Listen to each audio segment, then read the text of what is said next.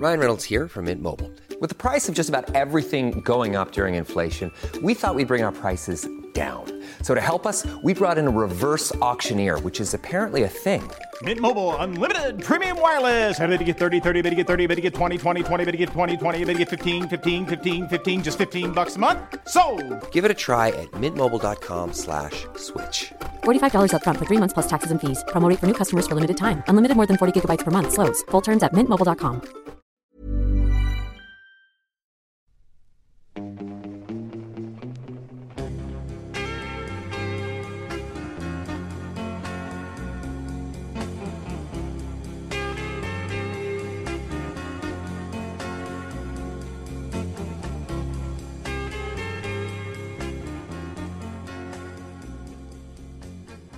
Välkomna till Glappet. Jag heter Fredrik. Jag heter Matilda. Du, eh, det här eh, programmet är ju till för oss föräldrar som önskar att vi hade lite mera koll Mm. på våra barns tillvaro. Exakt, Mm. så är det.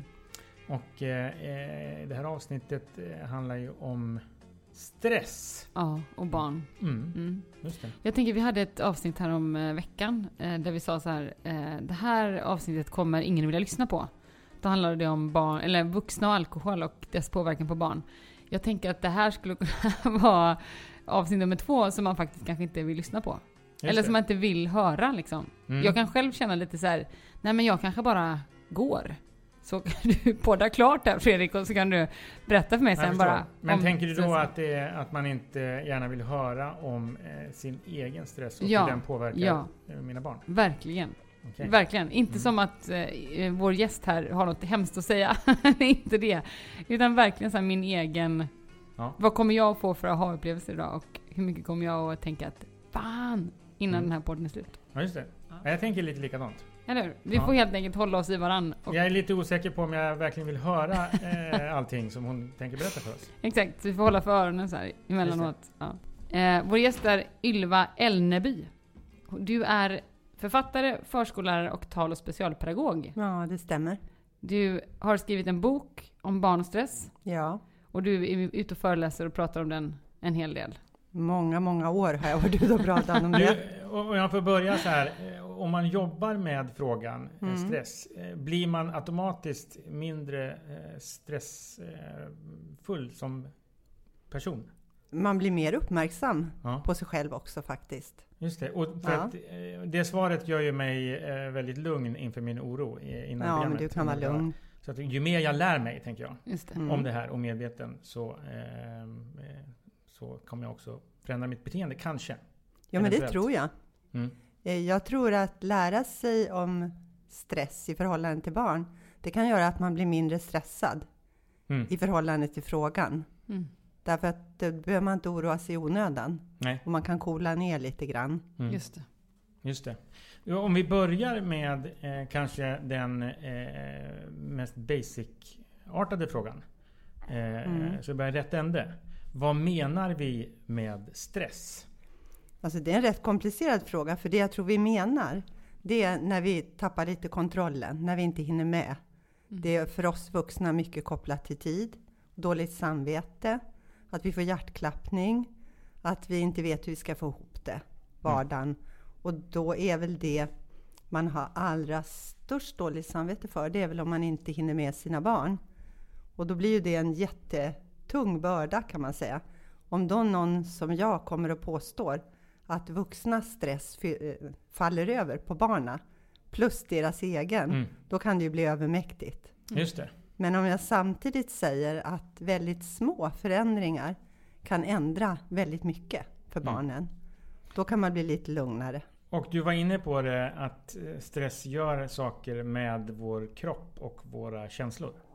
Absolut. Rent fysiologiskt så vet man ju vad som händer i kroppen med stresshormoner och hur det påverkar olika delar i kroppen. Mm. Men sen är det ju också just med känslor så att säga. Eh, ibland brukar man ju prata om bra stress eller dålig stress. Mm. Och så kan det naturligtvis vara, att det är bättre att vara stressad av någonting som gör en glad än något som eh, gör en ledsen. Men det fysiologiska i kroppen, om det blir för mycket av det där som gör en glad och upphetsad och så, då, då blir det samma reaktioner i de kroppsliga funktionerna om man säger så. Mm. Och därför är det bra att man känner till lite grann att man har upphetsande perioder varvade med lite lugnare aktiviteter och som föräldrarna säkert mår jättebra utav. Mm. Och känna att man måste inte göra någonting varenda dag. Nej. Skulle du säga att det här med stress har ökat i vårt samhälle? Har det alltid funnits, men att det är mer liksom ljuset på just nu? Jag tror att stress, det har ju alltid funnits, men jag Mm. tror att det har sett olika ut. Mm. Eh, Man hade ju andra saker som bekymrade och oroade människorna förr, om man säger. Nu så tror jag då att även barn upplever tid, alltså tiden är en faktor som barn kopplar till stress. Och egentligen existerar ju inte tid för barn. Eh, Så att det är någonting som de hör och, och som de själva känner, vilket naturligtvis är naturligt eftersom man ofta måste skynda på dem Mm. till förskolan och till skolan. Och, och man ska iväg på olika saker och de har också aktiviteter utanför skolan som ska passas tider och så. Mm. Så att det, det har de ju ganska klart för sig. Att det där vill de ju inte alltid. De vill ju göra aktiviteterna men de vill inte alltid ha så bråttom dit. Nej, just det. En lite mer eh, sund eh, inställning kanske. Ja, och sen eh, det var en unge som sa till mig faktiskt, det var väldigt klokt, när jag intervjuade barn och frågade vad man kunde göra för att det skulle bli lite mindre stressigt. Och då så sa han, man kan göra det innan man ska göra det, så blir det inte så jobbigt. och det var ju faktiskt, ja det var ju faktiskt väldigt klokt, det här att kunna ha lite mer tid på sig kanske. Mm. Man är inte, med så, inte så mycket tidsoptimist. Ja men precis. Och jag tänker då om man ska liksom börja bena i det här. Så har vi då den vuxna stressen.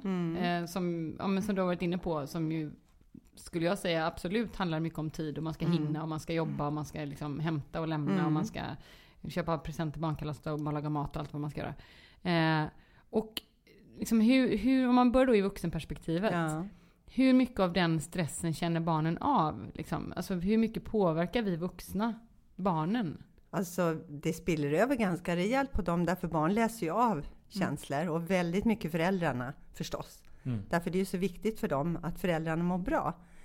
Men då kan man också säga att ehm, man måste också tänka på då att man gör saker som vuxen som är bra för en. För ibland har man ju dåligt samvete om man går iväg på egen träning kanske eller på ett spa eller vad man tycker att man själv kopplar av med.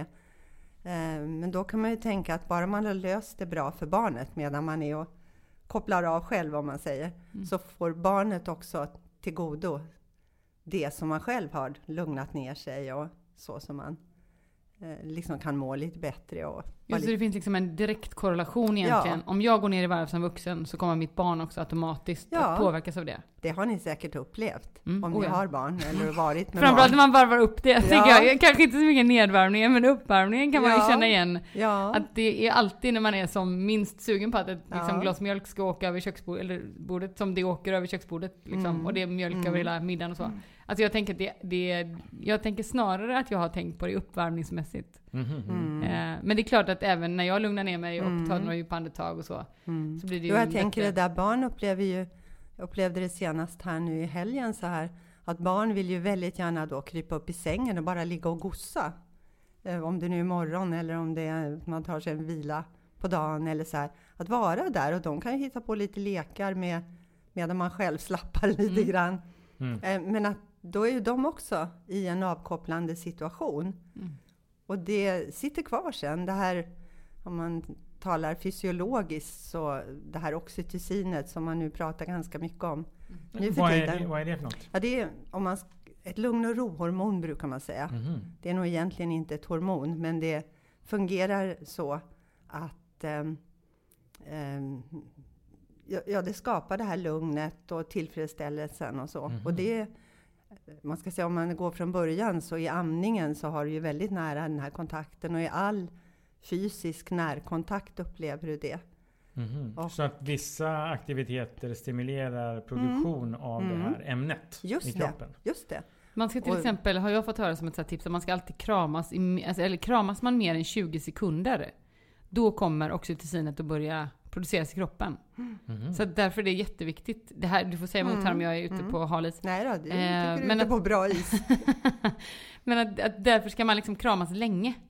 Det är hellre, helt, hellre eh, en lång kram än fyra korta. Återigen Ja. blir jag helt förstummad. Eh, att du vet sådana här saker. Redan. Oxy, jag vet asmycket om oxytocin. Ja, okej. Ja. Men jag tror också att många kvinnor vet det för att vi typ har varit gravida Okej. och ammat och eh, förlöst våra barn. Men varit med om förlossningar. På ett mer eh, hands-on sätt än papporna. Mm. Eh, jag kan, alltså som ammande person, kort men ändå, eh, så kan jag känna igen det. Alltså, det är jättetydligt i amningen. Mm. Att man bara så Men, och här, det här är ett naturligt eh, ämne som produceras i kroppen. Mm. Men, men finns det i andra former också? Kan man liksom gå till Ta en tablett, tänker du? Nej, de har ju Jag vill inte säga det på det sättet. utan mer så här, Man använder väl, jag tror, nu kanske jag är ute på halis, men jag tror att man använder oxytocin ibland när man sätter igång förlossningar och så Mm. på något sätt, att det har någonting med det också att göra. Men annars kan man tyvärr inte gå och köpa det på burk eller Nej. piller eller så. Men däremot så finns det, ja det hade varit praktiskt. Mm. Men däremot just det här som du säger, att ge sig tid då till, när man klär på barna så kan man ju om, ja, just. om de kanske inte tycker om att vara fasthållna, men om de nu gör det, Mm. så kan man ju passa på och, och ha dem i knät. De kommer ju ofta och kryper upp själva ibland Mm. och sitter en stund och sen sticker de iväg. Just det. Och, så på något sätt har ju barn lite inbyggt det där och tanka. Mm. De tar för sig vad de behöver. Just det.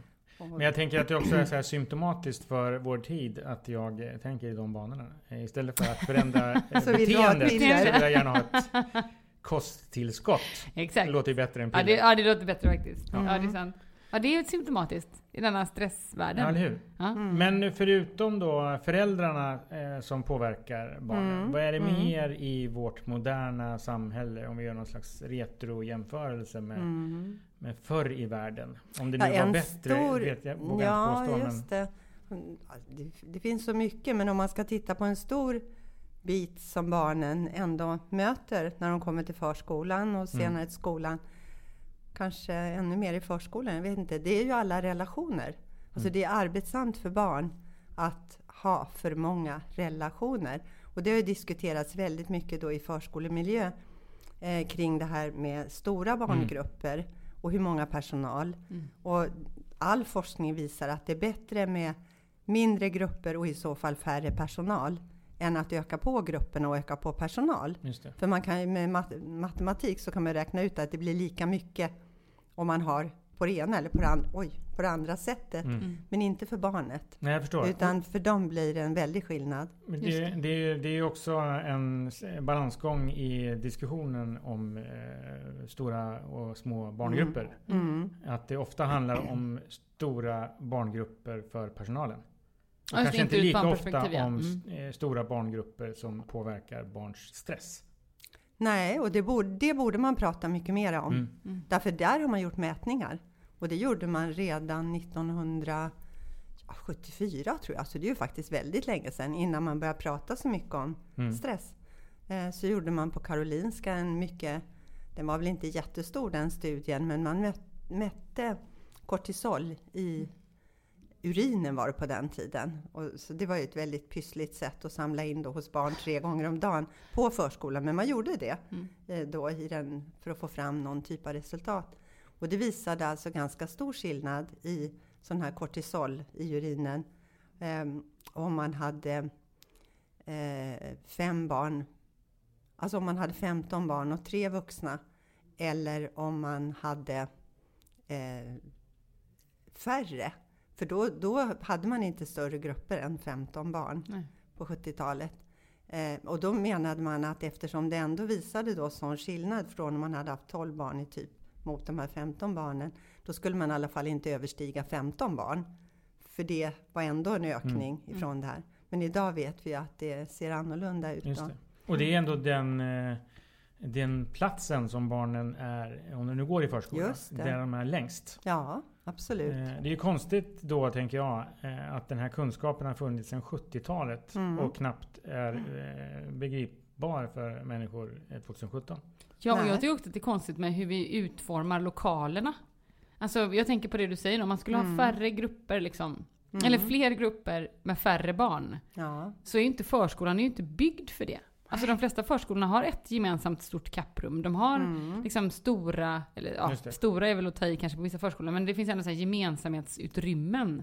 Alltså det är inte byggt för att man har olika, så här, här klär vi av oss våra ytterkläder, vi Mm. fem som är en grupp. Förstår. Alltså det blir ju också, där tänker jag både ljudvolymen och alla Mm. skor, huller och buller och Det finns säkert eh, där ute sådana lösningar. Men eh, Ja, det absolut, men så här, standard. Den generella tänker jag, precis som skolan är ju inte heller byggd Nej. som pedagogiken har utvecklats nu. Nej, nej. Så, alltså, så det är ingen Mm. kritik åt något håll, mer än bara ett konstaterande att så är fallet. Liksom. Det enda vi lärde oss från 70-talet är att eh, det verkar vara att de lokalerna fortfarande fungerar. Mm. Eh, fast det inte gör det. Nej, precis. Och ja, det är ju till och med så att på vissa håll så gör man stormatsalar utav lekhallarna och så. Mm. Och jag fattar egentligen inte hur man kan få en sån idé. Det vet man ju själv hur det om man sitter i en sån stor matsal, bara vuxna och äter. Eller om man får sitta kring ett middagsbord där man kan konversera. Mm. Så är det en enorm skillnad. Och bullret och slamret och så. Mm. Så att... Eh, Vad är det som gör att vi inte tar eh, tillräcklig hänsyn till barns stressmiljö? ja, Tänker det- jag, på en samhällsnivå rent På en samhällsnivå. Ja, det, det är verkligen en bra fråga tycker jag. Med tanke på hur länge jag har varit då ute och tillsammans med andra naturligtvis som man har fört de här frågorna. Eh, och de går ju inte att säga emot. Så att det är ju oemotsagt därför att det finns, det finns forskning, man kan bara se på hur barnen mår och hur det är. Och ändå gör man inte tillräckliga förändringar. Så det, det är faktiskt en jättebra fråga. Mm. Ja, just det. Det är, det är väl eh, nästan definitionen på galenskap. Ja, Ja. Det är att göra eh, på samma sätt om och om igen och förvänta sig ett annat resultat. Ja, Precis. Eller hoppas det går över. Jag vet inte. ja, precis. Att man ska Eller kunna bara- vänja sig. Ja. Eller bara blunda Ja. och Ja. önska att det kommer ett piller snart. Och det, är ju, all, Så allting tänka. är ju, alltså det handlar ju om pengar Mm, och resurser och resursfördelning och Mm. så. Så att ehm, det är väl det. Jag tänker om vi går tillbaka till din fråga eh, Fredrik, så här, vad påverkar, liksom, vad är det som påverkar Hey, I'm Ryan Reynolds. Recently, I asked Mint Mobile's legal team if big wireless companies are allowed to raise prices due to inflation. They said yes. And then when I asked if raising prices technically violates those onerous two year contracts, they said, What the f are you talking about, you insane Hollywood ass? So to recap, we're cutting the price of Mint Unlimited from $30 a month to just $15 a month. Give it a try at mintmobile.com slash switch. $45 upfront for three months plus taxes and fees. Promo rate for new customers for limited time. Unlimited more than 40 gigabytes per month. Slows. Full terms at mintmobile.com. Ryan Reynolds here from Mint Mobile. With the price of just about everything going up during inflation, we thought we'd bring our prices down. So to help us, we brought in a reverse auctioneer, which is apparently a thing. Mint Mobile unlimited premium wireless. Have to get 30, 30, bit to get 30, bit to get 20, 20, 20, bit to get 20, 20, bit to get 15, 15, 15, 15 just 15 bucks a month. So, Give it a try at mintmobile.com slash switch. $45 upfront for three months plus taxes and fees. Promo rate for new customers for limited time. Unlimited more than 40 gigabytes per month. Slows. Full terms at mintmobile.com. påverkar att barn blir stressade? Vad är det som liksom, då har vi pratat om föräldrastress eh, och vi har pratat om då för många relationer. Eh, har du fler sådana här som, som liksom Ja, man ja behöver visst. vara på? Det jag vill säga först då innan jag Mm, börjar ja, rabbla upp några Ja. så. Det är ju då att barn är olika. Ja. Så det. det. som stressar ett barn är inte alls säkert att det stressar ett annat. Nej. Och barn är olika stresståliga. Mm. Vilket är, alltså, det är ingen mått på att den ena är bra och inte den andra, utan det bara är så. Vi är olika som människor.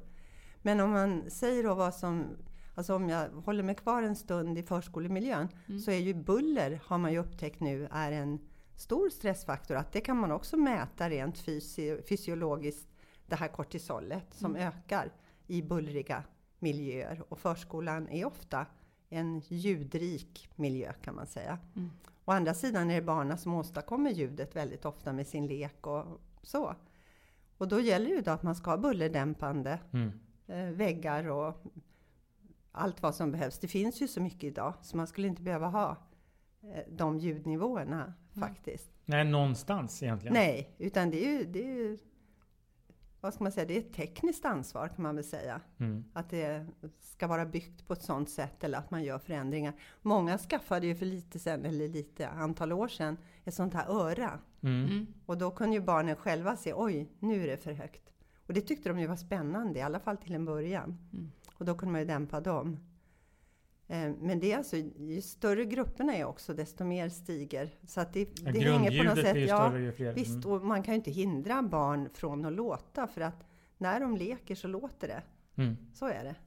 Just det. Så att, eh, mm, Nej, det. Det är bara vi försöker lära dem över tid sen när de blir äldre att de ska Mm. eh, vara tysta. ja, ja, men precis. Eh, Men sen är det ju sen, det, har, det är mycket som har också med känslor att göra. Hur man kan knyta an till andra människor. Eh, hur situationen är på morgonen innan man sticker iväg hemifrån. Det kan ju färga Mm. eh, en bra bit på dagen. Liksom. Det blir en dålig start eller en bra start. Och sen är det ju faktiskt också så att alla barn tycker inte om alla fröknar lika mycket. Hur, eh, om man då tittar på de här olika miljöerna där barnen är när de är små. Och det är Mm. familjen och föräldrarna vi pratat om. Och så är det förskolan och förskollärarna och Mm. miljön och allt sånt där. Om man då som förälder märker att ens barn uppvisar eh, kanske tecken eller signaler på att vara väldigt stressad. Ska vi till och med börja där? Vad är signaler Ja, på att ett Ja, barn bra. är stressat? Ja, det gör vi. Mm. Vi tar den därifrån. Vilka signaler bör man vara observant på som förälder? Om man säger generellt då, så ska man vara observant när man tycker att barnet börjar ändra beteende. För barn kan uttrycka stress på lite olika sätt. Det är en del barn, de agerar ut och blir eh, liksom aggressiva eller ger sig på andra ungar och biter dem eller ja, är väldigt lätt frustrerade. Medan andra barn reagerar med att bli mer inbundna och tysta och drar sig undan. Och de är ju svårare att upptäcka. Och sen uppmärksam på om barnet, ja om man är hemma då och som förälder och funderar över det här. Vill barnet inte gå till förskolan, alltså trilskas det? Och det kan de ju göra ändå. Men att man ändå funderar lite över varför. Om barnet är väldigt trött, sover onormalt mycket eller onormalt lite. Alltså antingen är speedad och har väldigt svårt att komma till ro. Eller om det är också så att man flyr lite in. För stress det är ju lite kamp eller flykt. Och det går igen i de här sätten som barnen visar också. Ont i magen är ju klassiskt. Mm. Och det får man ju aldrig, aldrig nonchalera. Och det måste man ju undersöka också. Att det inte är något fysiskt. Men är det inte det så kan det också vara ett tecken. För vi har ju jättemycket nervsystem i magen. Det talar ju om för oss. Innan vi ens har fattat saker själva. Så kan ju magen ha berättat att det här är inte bra. Så. Eh, huvudvärk. Små barn ska ju normalt inte ha ont i huvudet. Men huvudvärk är också, och det måste man också undersöka förstås. Men om allting är okej så, så, så kan man se det också som ett tecken då. Mm. För Eh. jag tänker att de flesta föräldrar känner ju sina barn väldigt Mm. väl. Om man nu Mm. liksom eh, på något sätt kanske Absolut. generaliserar. Men ändå. Ja. Eh, om man då märker de här sakerna och så börjar Mm. man då titta på det här. Och, Mm. eh, men vad, vad kan man då, hur ska man närma sig eh, den miljön där barnen vistas länge i på ett konstruktivt sätt? Du menar att Förskolan, ta kontakt med förskolan då Mm. till exempel? Ja, det är väl bra om man ber att få ett samtal och så kan man ju säga då att vi föräldrar märker hemma att det har skett en förändring. Och, och vara konkret. Det här och det här och det här ser vi.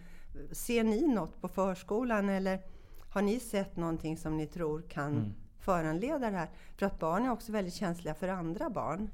Och det kan ju uppstå konflikter mellan barnen som de vuxna inte hinner med att se.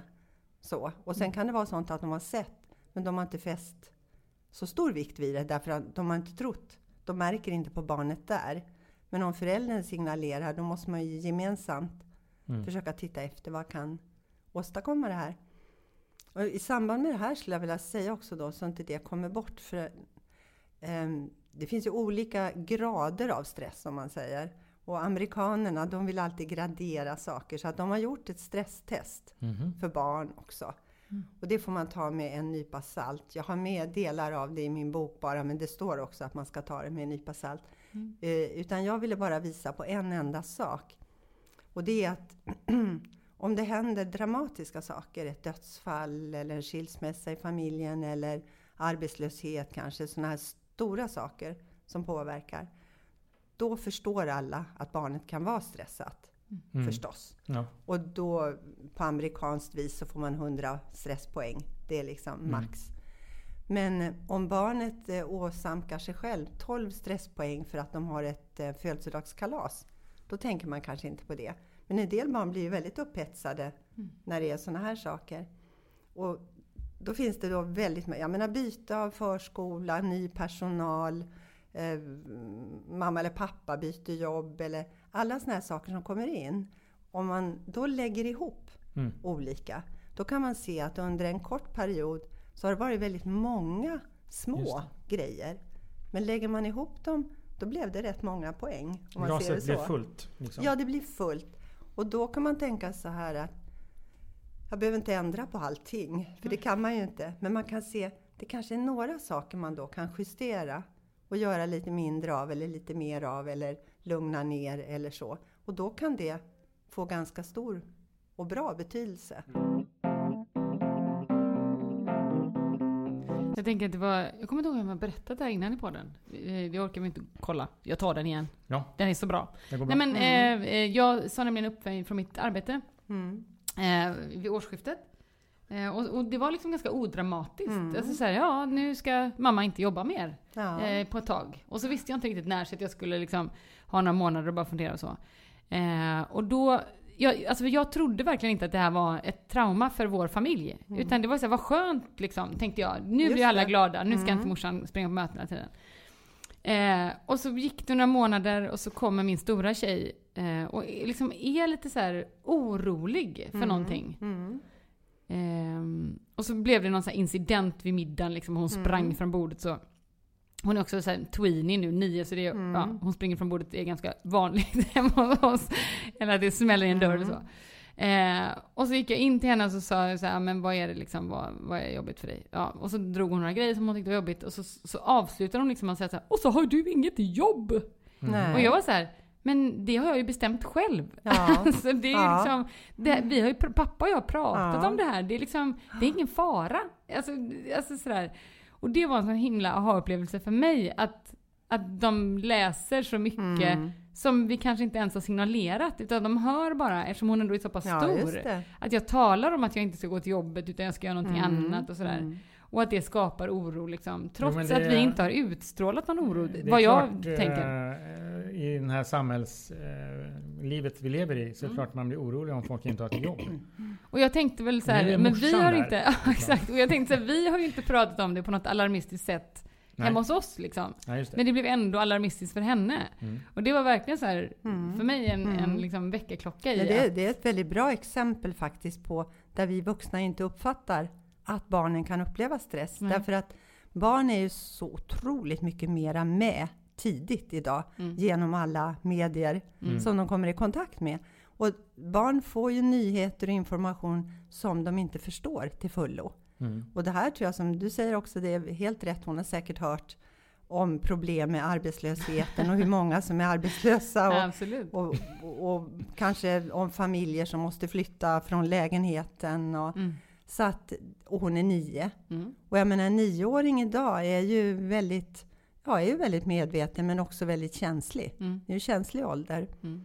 Så att em, det är inte så konstigt. Och då är det ju bra om man säger att sätta sig ner och sa, vet du, nu ska vi prata om det här. Mm. Och så ska du få veta att det är jättejobbigt för de som är arbetslösa. Mm. Så, så, att hon får, så att hon blir bekräftad. Just att det. hennes oro är Jag förstår. riktig Men betyder det här att eh, som allt annat går ner i åldrarna så även eh, upplysning och Ja. kunskap? Ja, det, Ja. kruxet är att ju yngre de blir då, som tar del av saker, eh, så förstår de det ju inte. Utan Nej. det kan bli hotfullt. Jag kommer ihåg, det kan jag relatera jag då.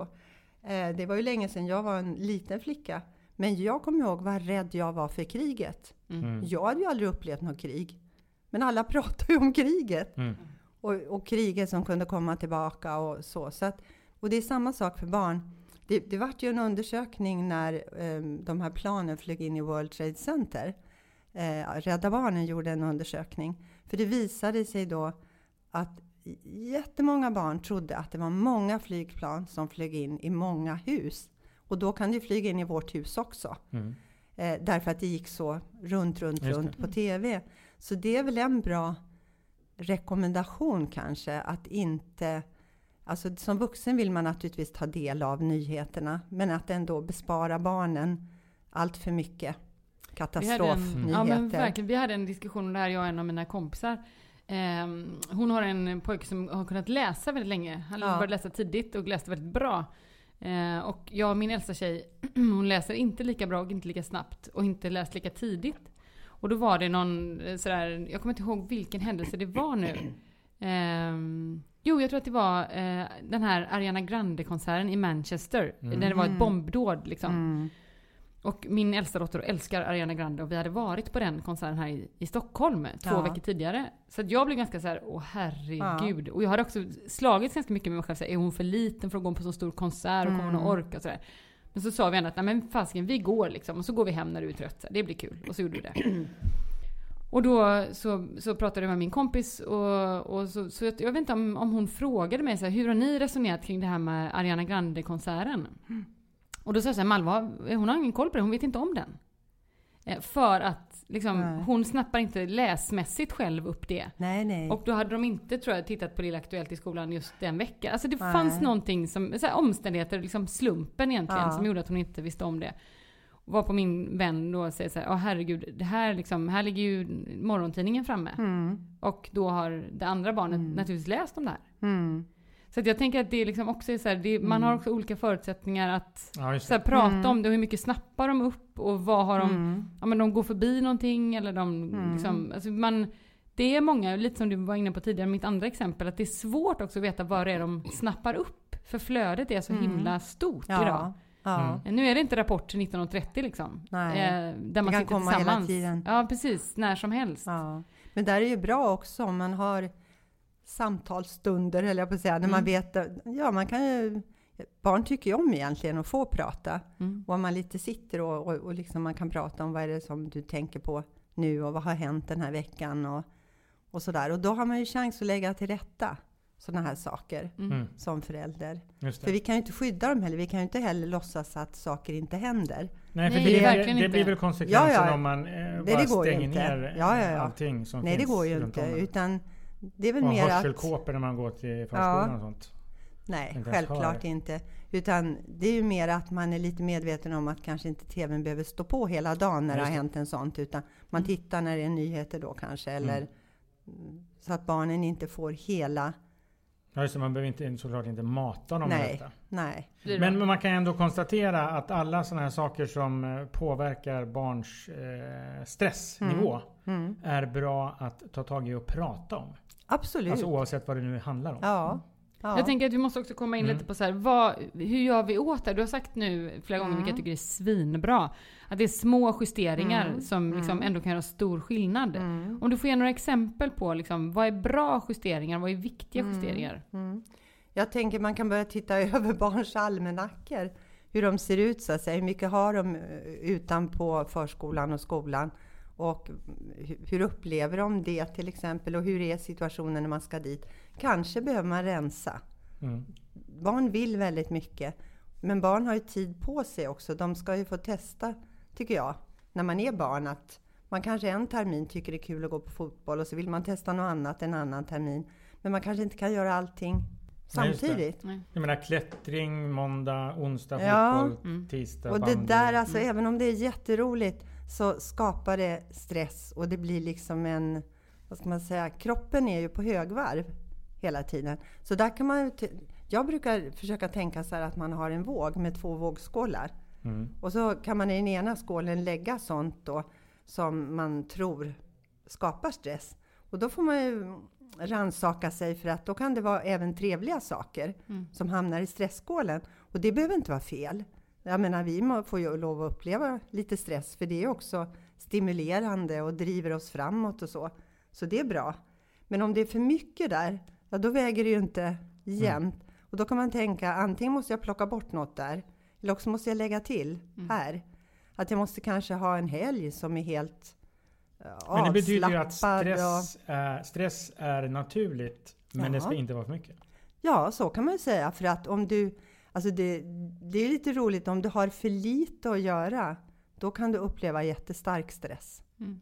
Därför då får inte hjärnan den stimulans som den vill Mm, ha. nej, och det kan bli en väldig stressfaktor. Så att det är en balansen Mm. som man försöker eftersträva. Krux, Därför ibland när man pratar om stress så, så finns det en automatisk tolkning av det, att det är Mm. negativt. Ja, just det. Och det är inte det. Alltså det Nej. är bara stress är en reaktion i kroppen. Mm. Och det blir negativt när det blir för mycket och det påverkar oss negativt. Mm. Men stress i sig är ju inte det. Nej, precis. Jag menar, att komma hit kan man säga till er då. Jag hade aldrig träffat er och var ligger Hälsingegatan 49 och så. Mm. Alltså det är inget jättestresspåslag för mig att komma hit. Men det är lite mer än om jag bara går ut i mitt eget kök och ska sätta mig och skriva. Mm. Så att, och det är ju stimulerande. Det är klart. Och det påverkar mig på ett positivt sätt. Och så är det för barnen med. Mm. De ska gå iväg på någonting och de är lite pirriga. Och, Jag läste eh, någon artikel. Eh, jag vet inte vilken det var, så ni får väl ta det här utifrån ett källkritiskt perspektiv med en nypa salt. Mm. Men jag läste att eh, eh, mängden av fall av barn som går in i väggen ökar. ja, det, finns det någon bärighet på den jag tror nyheten? att det finns bärighet på det. Det fanns, ehm, och det har man faktiskt pratat om ganska länge, så det är inget alldeles nytt. Att man säger att även utbrändhet Mm. kan drabba barn. Eh, och det är ju när man inte har sett de här olika eh, och förstått signalerna som barnen har skickat då. Då kan det bli så att barnet är totalt dränerat på energi Mm. och går in i väggen. Och det är ett allvarligt, det är ett allvarligt tillstånd. Därför utifrån det tillståndet så kommer också tankar upp att man inte vill leva och inte klarar livet och så. Så att då har det gått väldigt långt. Mm. Men det existerar. Jag tänker att jag vill komma tillbaka till den frågan. Jag vill bara att vi ska göra klart för min, och mitt protokoll här. Just det. Jag är nämligen ordningsman. Okej. Eh, ja, och sk- summera på slutet. Bara några så här fler, för jag har också skrivit ut, upp utmattningar, så vi ska tillbaka dit. Men vad, vad mer ska vi göra liksom? Nu Ja. Mm. pratar vi om så här, barnens kalendrar, vi pratar om balansen. Man tänker, om man tänker, och, vi tänker på det här oxytocinet, hur kan vi höja det? För det är ju bra då för oss. Man kan säga långa sköna måltider om nu barnen tycker det är mysigt att sitta med och äta. Alltså att man ger sig tid och så. Bada, varma härliga bad eller skumbad eller så. Massage om de tycker om det. Och om ni tycker om det kan man låta barnen massera sig. Det är ju helt underbart. Sitta och läsa, jag menar det här kvällssagorna eller om man nu myser och pyser i soffan. Ehm, alltså allt sånt där som man egentligen som vuxen själv Men känner det låter ju väldigt skönt. härligt när jag Ja, lyssnar på dig beskriva Ja. lösningen är. Ja, och sen en annan grej som bränner mycket stresshormoner. Det är att vara ute i naturen. Mm. Ut och jogga och klättra och liksom över stock och sten. Det är ju väldigt bra. För då Mm. får man ju jobba med hela kroppen. Och, eh, och det har man sett barn som går på ur och skurförskolor då. Mm. De har ofta lägre nivåer utav stress. Därför att de är ute så mycket och rör sig på Mm. ett sådant sätt. Så att eh, eh, den typ av aktivitet är ju jättebra. Just det. Baka är ju också en väldigt bra aktivitet. Att hålla på med varm deg och knåda och så. Mm. Eh, Så att egentligen försöka tänka efter vad man själv tycker är skönt och så sätta barnperspektivet Mm. på det. Just Och sen, alltså det barn också älskar, även om det inte är riktigt barnvänligt, det är ju att vara med och göra någonting som föräldern tycker är roligt. Mm. Jag var förra helgen med en fyraåring och en sexåring på ett eh, eh, kårspex. Och allting gick ju över huvudet egentligen på barnen, men pappan i fråga var med och spelade i orkestern. Och jag var beredd på att vi skulle gå därifrån efter ett tag, därför att det var ju Lite svårt för stimmigt. barnen. Mm. Ja, stimmigt. Och sen förstod de ju inte, det handlar om Karl XII, jag menar, när han var barn eller när han var ung. Eh, Men alltså de satt hela tiden, eh, sen satt de ju inte still, jag menar de stod på stolen, de satt på stolen och de, men de ville inte gå därifrån. Nej. Så att, och sen var de jätte, efteråt när vi frågade dem så "Ah, jätteroligt! Mm. Och egentligen tänkte jag så här, kan inte de tyckt varit så skoj? Men det var ju roligt, pappa var där det. och, och vi var där och tyckte att det var skojigt. Och, och, och då hade de alltså en vuxen upplevelse med oss. Ja, jag förstår. Mm. Men eh, det betyder ju att vi eh, på något vis eh, gärna så här, under korta perioder glömmer bort att barn också är människor fast Mm. små. Just det. Mm. På något Mm. vis. Mm. Jag tänker också, eh, där vi började var ju ändå så här vuxnas stress som påverkar barn. Mm. Vad skulle du säga är viktigast att som vuxen tänka på för att inte så att säga bli, föra över stress på sina barn eller för att lugna sig själv liksom? Ja, just det. Det finns ju små knep man kan ta till. För ett, en sån där period som brukar vara jättestressig, det är när man har hämtat dem på förskolan och så ska man fixa maten. Mm. När man kommer hem. Och då kanske man sätter dem framför TVn och så blir de osams och så. Mm. Eh, det kan vara ett bra knep om de inte är för vrålhungriga. Att man viker en stund innan man sätter igång med maten. Så att man gör någonting, sätter sig ner och läser något eller spelar ett spel eller gör någonting sånt. Och sen går man på maten. Mm. Eh, därför att då har man liksom fått ner dem och de har börjat knyta an till att de är hemma. Mm. För det är jobbigt för barn att lämna förskolan och så komma hem. Mm. Lika jobbigt som det är att gå från hemmet och till förskolan. Mm. Mm. Så. Så de lämnar ju anknytningen med pedagogerna för att sen knyta an till föräldrarna igen.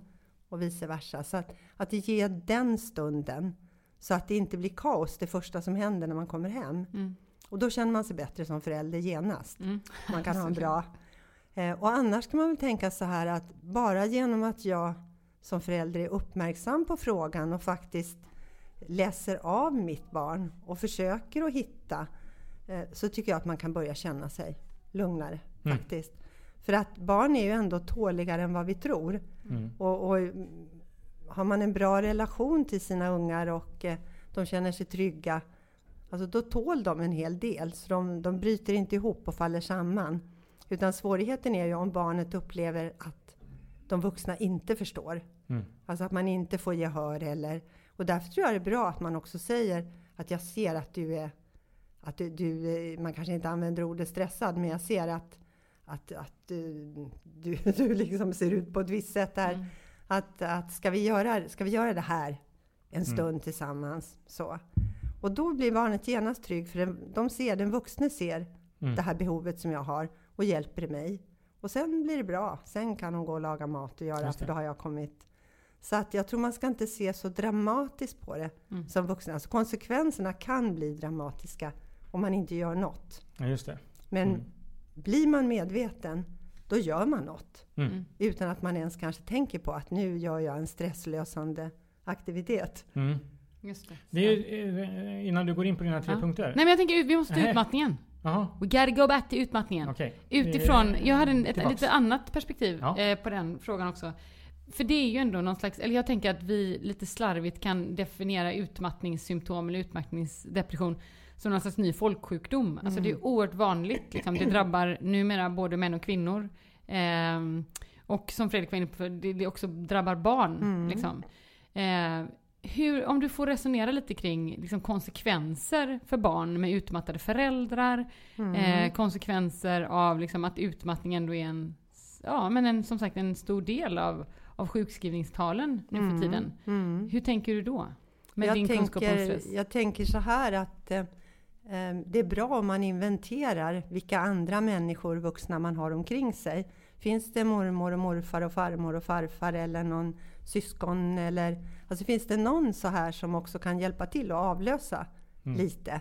Att man, eftersom livet ser ut som det gör, eh, både för att hindra sig själv från att gå in i väggen och kunna få lite återhämtning och därför att det är ju så här att om det kommer in en ny människa då, en, en mor eller farförälder till exempel, med ny kraft och som inte vill något hellre kanske än att vara med barnet och har all tid i världen då, när man är med barn. Annars har ju pensionärer ingen tid idag. Men då när man Inte är med barn, heller. Nej. de har ingen tid. Men när man är med barn, då har man ju det. Mm. Därför att då är det just det viktigaste. Eh, och där tror jag att barn kan tanka jättebra. Så de måste inte tanka allt från föräldrarna. Ja, just det. Mm. Utan de kan tanka också från andra. Just det. Men det är intressant. Eh, Mina föräldrar är pensionärer. Ja, Och de säger att de har aldrig haft så lite tid. nej precis. Vilket ju förefaller egendomligt. för mig Ja. Just det, exakt. Vänta tills du själv är pensionär Ja, Fredrik. det. Du bara, jag kan aldrig podda. Mm. Okej, är vi, Du kommer är vara de mest med, upptagna pensionärerna in life. Ja. är vi färdiga med eh, utmattningen? Om du inte har något annat tillägg där. Jag tänker att det skulle kunna vara en egen podd. Mm. Tänker Ja, jag. det jag skulle vilja tillägga det är att det är ju inte så vanligt menar jag att, bara, att det går så långt. Därför att föräldrar är lyhörda. Mm. Det är ju i så fall Ja, det finns ju föräldrar som naturligtvis inte är det också av olika skäl. Eller att en förälder själv mår så dåligt Mm. så man orkar inte se eh, kanske eller förstå de tecknen. Men annars är det inte så här att man måste gå omkring till vardags och vara rädd att barnet ska gå in i väggen. Nej. Utan de Bra. här signalerna kommer Mm. och de får man reagera på. Mm, det är bra. Nu känner jag mig, nu känner jag Ja. mig färdig för sammanfattning. Ja. Jag tänker, vi har några så hållpunkter med oss in. Det ett är barn är olika. Det kan ju inte nog understrykas faktiskt. Nej, bra. Alltså barn blir stressade av olika saker. Eh, de har olika svårt med många eller få relationer. Eh, de har olika svårt med liksom Ja. många intryck. Man måste vara obs på sitt eget barn. Yes. Eh, och det tänker jag är fint att vi får säga i den här podden eftersom vi ändå varit ute efter att inte ha några pekpinnar. Mm. Vi har lyckats sådär. Läs jag har lyckats sådär. Eh, men att det är ju faktiskt ett skitbra tips för att faktiskt plocka ner det här i sin egen vardag. Bra. Vad, hur påverkas mitt barn och vad går den igång på? Ehm, Två. Två. Jag tänker att ändå nämna signaler att vara lite obs på. Eh, kring barn som ändrar beteende. Eh, om man har liksom fysiska symptom, svårt lätt sova, eh, ont i magen, ont i huvudet. Eh, och så. Alltså att ändå ha lite sådär, inte som, inte gå runt och oroa sig. För att man ska få stressade eller utmattade barn. Men att ändå sådär, ja men stämma av med sig själv ibland. Hur är mitt barn? Verkar det må bra? Och som jag tänker att man gör som förälder automatiskt hela tiden. Så det jag tänker att det är ett jävligt dåligt råd. Det Men det är ett väldigt liksom. bra råd Men att, att man vara ändå så här- observant Ja. på sin barns signaler. Lite så. Ja. Så tänker jag. Och nummer tre. Mm, det måste ju vara det som du har kommit tillbaka till flera gånger Ylva. Det här att små förändringar kan ge stor skillnad. Och det tänker jag också är någonting vi har lärt oss i många andra poddar. Att det är så här, ni behöver inte lyssna på den här podden och få ångest. Och tänka att ni är otillräckliga och det kommer aldrig gå och sådär. Utan att med ganska små medel, eh, när ni får syn på beteenden, så jobba med dem liksom. Mm. Som sagt, det, det, ni kan bara spola tillbaka så får ni listan. Men just sådana enkla saker som att ja, men ta ett bad tillsammans, läs tillsammans, låt barnet sitta i knät när ni kollar på TV. Eh, ta en stund innan middagen, spela ett spel. Alltså det är ju egentligen ganska enkla grejer. Som kan ju kännas helt övermäktiga i den stressiga vardagen. Men som sagt, jag tänker sen när man har lyckats en eller två eller tre gånger. Så kommer det ju kännas görbart. Mm. Jag tänker att det är lite som en träning. Man tycker det är asjobbigt att gå till gymmet. Men när man har gjort det ett tag så är det ändå fortfarande asjobbigt men också lite gött. Och då får man någon slags payoff i det. Mm. Och så fortsätter man. Är bra. Eh, helt enkelt. Mm. Och den sista. Nej, det var tre. Ja, men jag tar en extra. får du en idag? Ja. Ja. Varsågod Fredrik. Vilken är den sista punkten? Den sista punkten är, kom ihåg att eh, barn inte är barn utan eh, vuxna men bara lite mindre. Mm. Precis, det tycker jag var utmärkt. Mm. Gud Ja, vad intressant det var Ylva. Jag känner mig inte alls rädd nu faktiskt. Nej, vad härligt. Jag känner att vi, som vanligt så blev det ju bra. Ja, Ja. Och vi behöver inte gå hem och slå på oss själva utan bara gå hem och hänga lite mer med ungarna just det. i Och in, knät. inte vara rädda för att eh, barnet kommer gå in i väggen. Exakt. Om man är bara observant Precis. och ting. Skönt. Härligt. Ja, Tack så Bra. mycket för att du kom. tack själva och lycka till. Tack snälla. Vi Tack, hörs. tack.